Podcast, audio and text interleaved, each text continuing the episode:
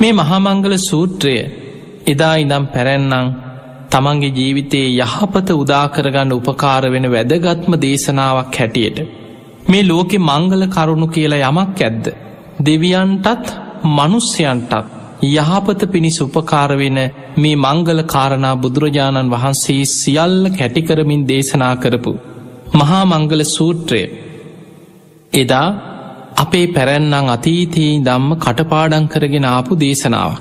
එනිසා රතන සූත්‍රය කරණීමිත සූත්‍රය මහා මංගල සූත්‍රය මේ පිරිත් දේශනාත් තුන බොහෝ පිරිසක් තුන් සූත්‍රය තුන් සූත්‍රය හැටියට කටපාඩමින් තිබුණා. ඒ නිසා නිතරම නිදාගන්න ගියත් තුන් සූට්‍ර කියලා නිදාගත්.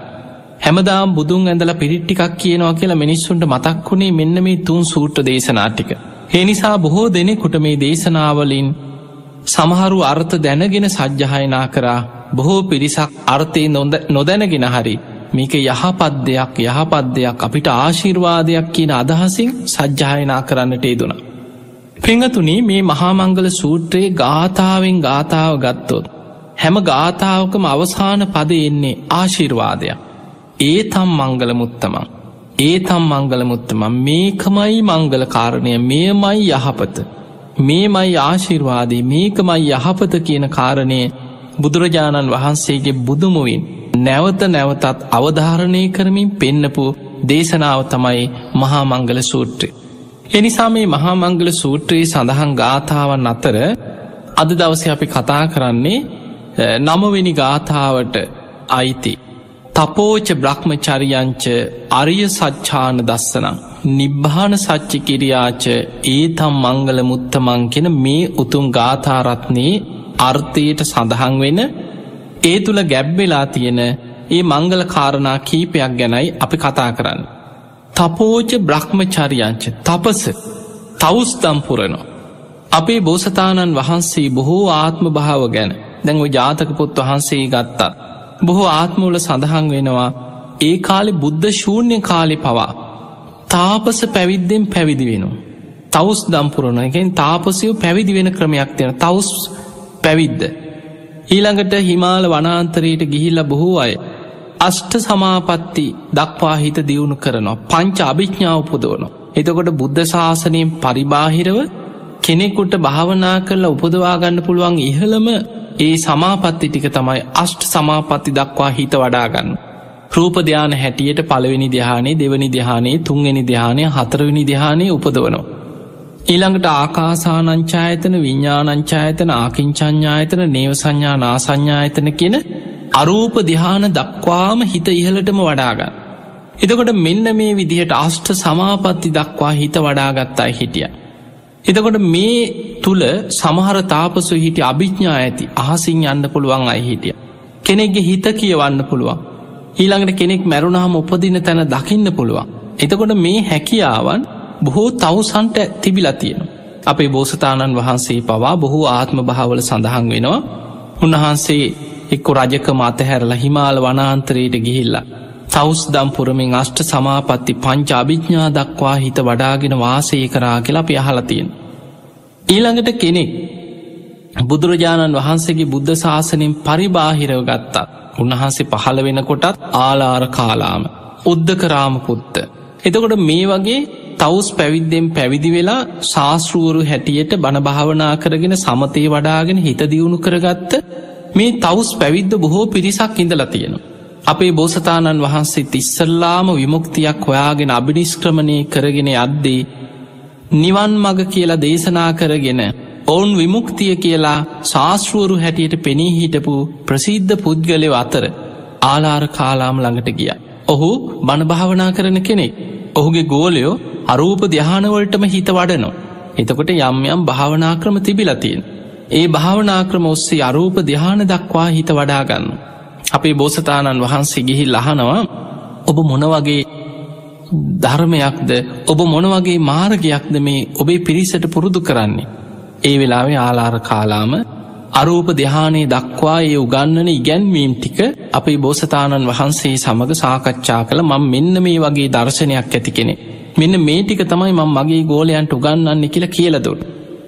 ඒ ඇසූ සැනින් සාකච්ඡා කරපු සැනින්ම බෝසතාණන් වහන්සේ පැත්තකට ගිහිල වාඩි වෙලා ඒ අරූප ධ්‍යානයටම ඉක්මනින්ම හිත දියුණු කරගත්. දියුණු කරගෙන ඇවිල් ඇහුවා ඔබෝයි කියපුදේ මන් සාක්ෂාත් කරගත්තා. මම ඒ අරූප ධ්‍යානයන්ට මගේ හිත දියුණු කරගත්තා. මෙතනින් එහාට කොහොම දෙයන්නේ. එතකොට ඔහු පුදුමයට පත් වනා. මම මෙච්චර කාලයක් මම පුරුදු කරගෙන තියෙන්නේ තොච්චරයි. මගේ මේ ඉන්න ගෝලයන්ට මේ ශ්‍රාවකයන්ට මේ තවස් පැවිද්දෙන් පැවිදි වෙලා ඉන්න මේ මගේ ශිෂ්‍යයන් හැම දෙනාටම මම ඔය ටික තමයි උගන්නන්නේ. බොහෝ පිරිසකට මේ ටික ඉගෙන ගන්න අවුරුදු ගණනාවක් යනවා. ඔබ මහ පුදුම කෙනෙක්නේ. ඔබ කැමති නම් මගේ ශිෂ්‍යයන්ගේ අපි දෙන්න එකතු වෙලා බෙදාගෙන අපි මේ අයට ගුරුහරුකන් දෙමින් ඉමු කියෝ. හැබැයි අපේ බෝස්ථානන් වහන්සේ හොයාගෙනගේ එහෙම මාර්ගයක් නෙමෙයි. සදාකාලිකව මේ විමුක්තියට පත්වෙච්ච නිවන් මග ආලාර කාලමගෙන් ලැබෙන්නේ නෑ. ඒ නිසා එතනින් යනවා යනකොට තවත් තාපස පැවිද්දෙන් පැවිදි වෙලා විමුක්ති මාර්ගයක් පෙන්නන කෙනෙක් හිටිය. රාමපුත්ත උද්ද අපිකෙන උද්දක රාම්පුත්. ඔහු ළඟටත් ගිහිල්ලා ඔහු උගන්නන දර්ශනයේ සාකච්ඡා කර. සාකච්ඡා කරලා ටික වෙලාවකින් පිරිසෙන් වෙන් වෙලා භාවනා කරලා ඒ අරූප දිහාන මට්ටමටම හිත වඩාගත්. එතකොට අපිට පේනවා ඒ කාලෙත් මේ තවස් පැවිද්දෙන් පැවිදි වෙච්චා ඉඳලා තියෙන. ධර්මය ගත්තහම තපස තවස් දම් පුරණව කියලා පෙන්වේ ඉන්ද්‍රිය සංවර සීලයක් ඇති කරගන්න. ඉන්ද්‍රිය සංවර කරගන්න. ඇහැ අසංවර වුණොත් තමයි ඇස මුල් කරගෙන කෙලෙස් සහිත අරමුණු හිතට ඇතුල්ලෙන්. නොයේ ක්‍රාග සහිත දේවල් ඇහෙන් හොය හොයා මිනිස්සු ඇවිදිනවා. කෙලෙස් ඇතිවන රූප කෙලෙස් ඇතිවන සබ්ද කනෙන් හොය හොයා යන්න කෙලෙස් සහිත පංචකාමයන් පිනවන්නමයි කන උත්සාහ කරන්න. එකට තමයි හිත දුවන්නේ පංචකාමයන් තුළ ඉන්න සත්වයක්. නාසයෙන් හොයන්නෙම ප්‍රියමනාප සුවඳ දිවට කැමතිම රසය හොයන්. මිනිස්සු රස හොය හොය රටරටවල් ගානය ඇවිදිනවා ආස කරන රස හොය හොයා. හීළඟට කයට පහස හොයනවා සිනිදු දේවල් තමන් ප්‍රිය කරන දේවල් කෙලෙස් සහිත ස්පර්සයන් කෙලෙස් සහිත පහස ඔවුන් ඒව තමයි හිත හිතාඉන්න කැමති. එතකොට මේ ඇස කණනාසය දිව ශරීරය මනසකෙන් මේ ආයතන හය අසංවරව පංචකාමයන් තුළ ජීවත්වීම නිසා තමයි කෙලෙස් සහිත අරමුණු හිතට ඇතුල් වෙලා නොමගයන්. ඒ නිසා බොහෝ තවස් පැවිද්දෙන් පැවිදි වෙන අය මේ පංචකාමයන්ගෙන් වෙන් වෙනවා. වෙන් වෙලා සමහරු වනාන්තරවල ආරන්නේවල කැලෑවල්වල ගල්ගුහාවල්වල වාසය කරමින් ඇසමුල් කරගෙන තමන්ට ඇතිවෙනේ කෙලෙස් සහිත අරමුණුවලින් බැහැර වෙලා ජීවත්වෙනවා. කනමුල් කරගෙන ඇතිවෙන්න පුළුවන් කෙලෙස් සහිත මේ නොමගයන අරමුණුවලින් බැහැර වෙන. සමහර වෙලාවට පුංචි දේකින් තමන්ගේ ජීවිතය එක්ක පුංචි කුටියක් කො නිදාගන්න තියෙන් එක්කො ගලක් එක්කු ලෑල්ලා පින්ඩ පාති ගියහම ලැබෙන දානි ටිකක් ගොරෝසු දෙයක් වෙන්න පුළුවන් තෙත දෙයක් වෙන්න පුළුවන් පිළුණු වෙච්ච දෙයක් වෙන්න පුළුවන් ඒකින් හිත හදාගන්න. එතකොට මේ විදිහට මේ බොහෝ තාපසයෝ තවස් පැවිද්දෙන් පැවිදි වෙන අය ඉන්ද්‍රිය සංවරයේ තුළ සමහරු ඒක අන්තෙටම ගියයි හිටිය. ඒ අන්තෙටම ගිය නිගණ්ඩ පිරිසිටිය බොහෝ දුස්කර රූක්ෂ ප්‍රතිපදාවන් අනුගමනය කරා. සමහරු ගන පිරිසෙන් වෙන් වෙලා මහ කැලෑවල තනියම ඉඳමින් ඉන්ද්‍රිය සංවර කරගන්න උත්සාහගත්. එතකොට මෙන්න මේ විදිහට ඉන්ද්‍රිය සංවරයේ පිණිස උත්සාහ ගනමින් තාපස පැවිද්දෙන් පැවිදි වෙච්චායි හිටිය. බුදුරජාණන් වහන්සේගේ ධර්මය තුළ ගත්තහම. උන්වහන්සේ මේ තපස මහා මංගල සූට්‍ර මංගල කාරණයක් හැටියට පෙන්න්නනවා. එතන බුදුරජාණන් වහන්සේ මංගල කාරණයක් හැටියට පෙන්නන්නේ තවස් දම්පුරනවා තපස් රකිනවා කියලා කියන්නේ. ඉන්ද්‍රිය අවබෝධයෙන් යුක්තව ඇතිකරගන්න ඉන්ද්‍රිය සංවරි. ඒක තමයි බුදුරජාණන් වහන්සේ ඔබට මතක ඇති බාහිය ධාරුචීරයට බුදුරජාණන් වහන්සේ පෙන්වා දිට්ටේ දිට්ටමත්තම් භවිස්සති. සුතේ සුතමත්තම් භවිස්සති. මුතේ මුතමත්තම් භවිස්සති. විඤ්ඥානයේ විඤ්ඥානමත්තම් භවිස්සති. ඇහෙන් යමක් දැක්කොත් දැක්කා විතරයි කියලා හිතන්න දැම් බොහෝ තවස් පැවිද්ද බුද්ධ ශාසනයෙන් පරිබාහිර ඔවුන් මේ අරමුණුවලින් මගහැරල ජීවත්වීම තුළ කැලේකට වෙලා ඉදීම තුළ. මිනිස් වාසයක් නැති මහාදුරු වනාන්තරයක් ඇසුරු කරගෙන ගල්ගුහාාවක කැලේක වාසය කරලා අරමුණු මගහැරම තුළ ඔවුන් හිතනවා මේක තමයි නියම විමුක්තියට යන තපස කියල්. හැබැයි බුදුරජාණන් වහන්සේ මේ ඉන්ද්‍රිය සංවරය ගැන පෙන්නුවේ එක අවබෝධයෙන් කළ යුතු දෙයක්. ඇස මුල් කරගෙන කෙලෙස් සහිත අරමුණු ඇතුල්ලෙනවා. බොහෝ දෙනෙක් ඇහැට පේන රූපවල නිමිති සටහන් මතකතියාගන්න. කෙලෙස් සහිත රූපයක් දැක්කනම් ඒක හිතේ මතකතියාගන්න සටහන. එක්කො ඒක කොටසක් මතකතියාගන්න. ඒක නැවත නැවත සිහි කරනවා. ඒක සිහි කරන්න සිහි කරන්න නූපන් රාගය උපදිනවා පන් රාගය වැඩෙනවා. නූපන් දේශය උපදින උපන් දවේශය වැඩෙනවා. තමන්ගේ ඇහෙන් දැක්කේ රාගය ඇතිවෙන සුබ නිමිත්තක් නං ඒක සිහි කරන්න සිහි කරන්න රාගේ බලවත්වෙනවා. තමන්ගේ ඇහෙන් දකින්නේ පටිග නිමිත්තක් නම් දවේශය බලවත්වෙන නිමිත්තක් නං ඒක සිහි කරන්න සිහි කරන්න දවේශ සහිත හිත බලවත්වෙන. එනිසා ඉන්ද්‍රිය සංවරය කියන්නේ මේ ඉන්ද්‍රියංවලට එන අරමුණුවලින් මගහැල්ල කැලේකට වෙලා ඉන්න එකම නෙමේ. ඒ තුළිනුත් යම් පලිබෝධවලින් ආරක්ෂාවෙන් පුළුවන් යම් ප්‍රමාණයකට. හැබැයි කෙනෙකුට පුළුවන් කැලේකට වෙලා වාඩි වෙලා ඇහැට දැක් කෙලෙස් සහිත දේවල් හිත හිතා දැවි දැවී ජීවත්වයෙන් පුළුවන් බුදුරජාණන් වහ සුපමාවකට පෙන සොහොන් පෙනැල්ල වගේ කෙළ එක තැනක සමාරු කැලෑවලට ගිහිල්ලා අර කෙලෙස් සහිත දේවල් කල්පනා කර කර දැවී දැවී ජීවත් ඒවා සිහිකර කරා තමන් පිච්චෙනවා.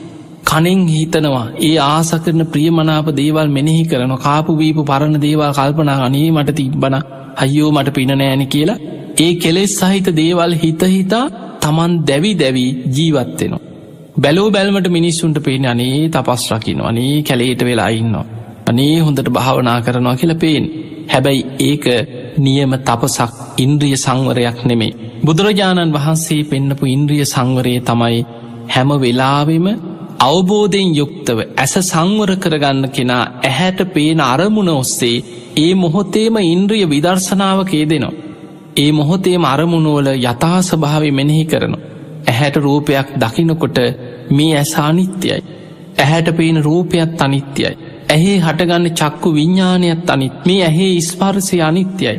ඉස්පාරසයෙන් ඇතිවන විඳීම අනිත්‍යයි. රූප හඳුනා ගැනීම අනිත්‍යයි. චේතනාව අනිත්‍යයි කියලා එතනම විදර්ශනා කරලා නිමිත්ති සටහන් හිතේ මතකතියාගන්න නැතිවෙන විදිහට එතනම ඒ අතහරිනවා.